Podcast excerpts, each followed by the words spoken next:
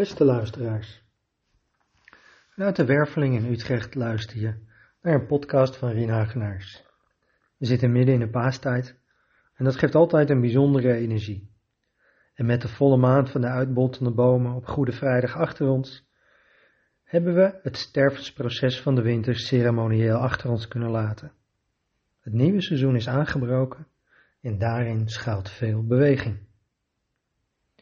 Wie mij al wat langer volgt, weet dat ik al een paar jaar uitkijk naar het ontstaan van nieuwe creaties. Creaties die aansluiten bij de mensheid die leeft vanuit het hart. Initiatieven die niet meer gebouwd zijn op de denkende mens, maar die ontstaan vanuit een gevoel in het hart. En wat mijn hart sneller doet kloppen, is dat die meer en meer zichtbaar worden. Een mooi voorbeeld, wat ik onlangs tegenkwam, is de Beverorganisatie. Mijn goede oude beverwinkel, waar ik al bijna 30 jaar klant ben. Op een techbeurs was daar een marketingdirectrice. Een dame die niet over de metaverse of algoritmes begon te vertellen, maar ze kwam met een heel ander verhaal. Over hoe ze haar gevoel dat ze zichzelf niet meer herkende in de organisatie, over hoe ze de organisatie kon meenemen in een verandering, waarbij het salesgedreven, productgerichte denken transformeerde naar een buitensportpassie in een mensgerichte organisatie, daar waar ze ooit begonnen waren. Wat me opviel was dat tijdens haar verhaal vrij veel mensen de zaal verlieten. Iets wat ik die dag nog niet eerder had zien gebeuren. Mijn inschatting was dat dit te maken had met veel technisch georiënteerde bezoekers die de weg naar het hart nog niet hebben kunnen vinden. Ze konden zich niet goed verbinden met haar verhaal. Toch reikt de visie van de spreekster misschien wel verder dan de nieuwste ideeën over de metaverse. Voor wie zich nu afvraagt wat de metaverse is, een kleine toelichting.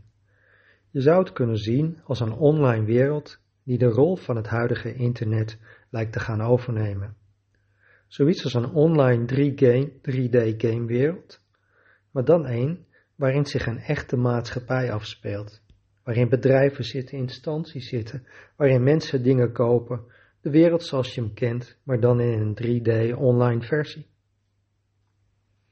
Dit was ongeveer in dezelfde tijd, de beurs, dat in het nieuws kwam dat wetenschappers en bekende businessnamen als Elon Musk een brandbrief stuurden over AI en de snelle ontwikkeling van kunstmatige intelligentie.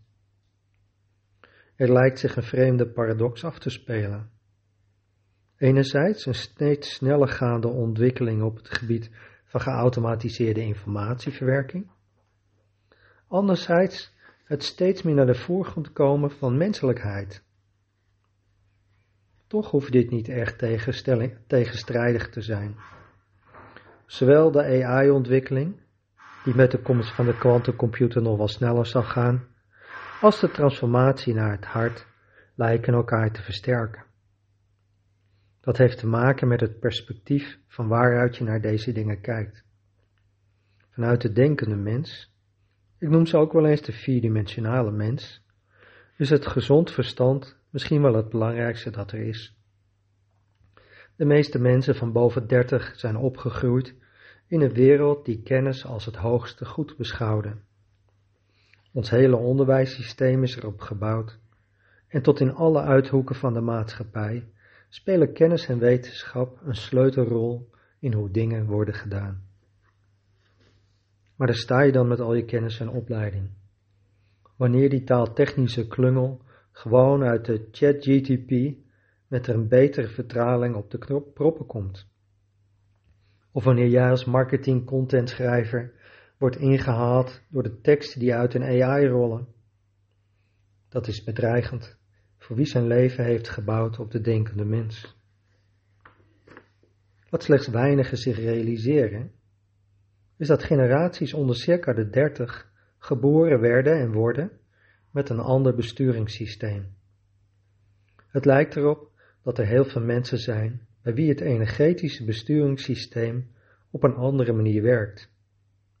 Voor hen is het gevoel, wat zich zetelt in het hart, als leidraad werkend bij hun handelen.